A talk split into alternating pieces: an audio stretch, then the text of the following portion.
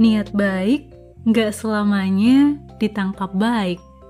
Entah karena kalimat yang dipilih kurang tepat, momennya kurang pas, atau memang respon yang mendengarnya salah. Ya, tergantung sudut pandangnya sih ya.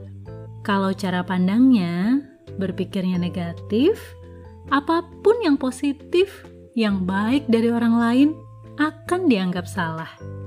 Dan kita nggak bisa mengontrol pikiran orang. Tuhan saja tidak. Meski demikian, bukan berarti berhenti berbuat baik. Perbuatan baik kita jangan bergantung dari respon orang, tapi memang karena kita baik. Asik.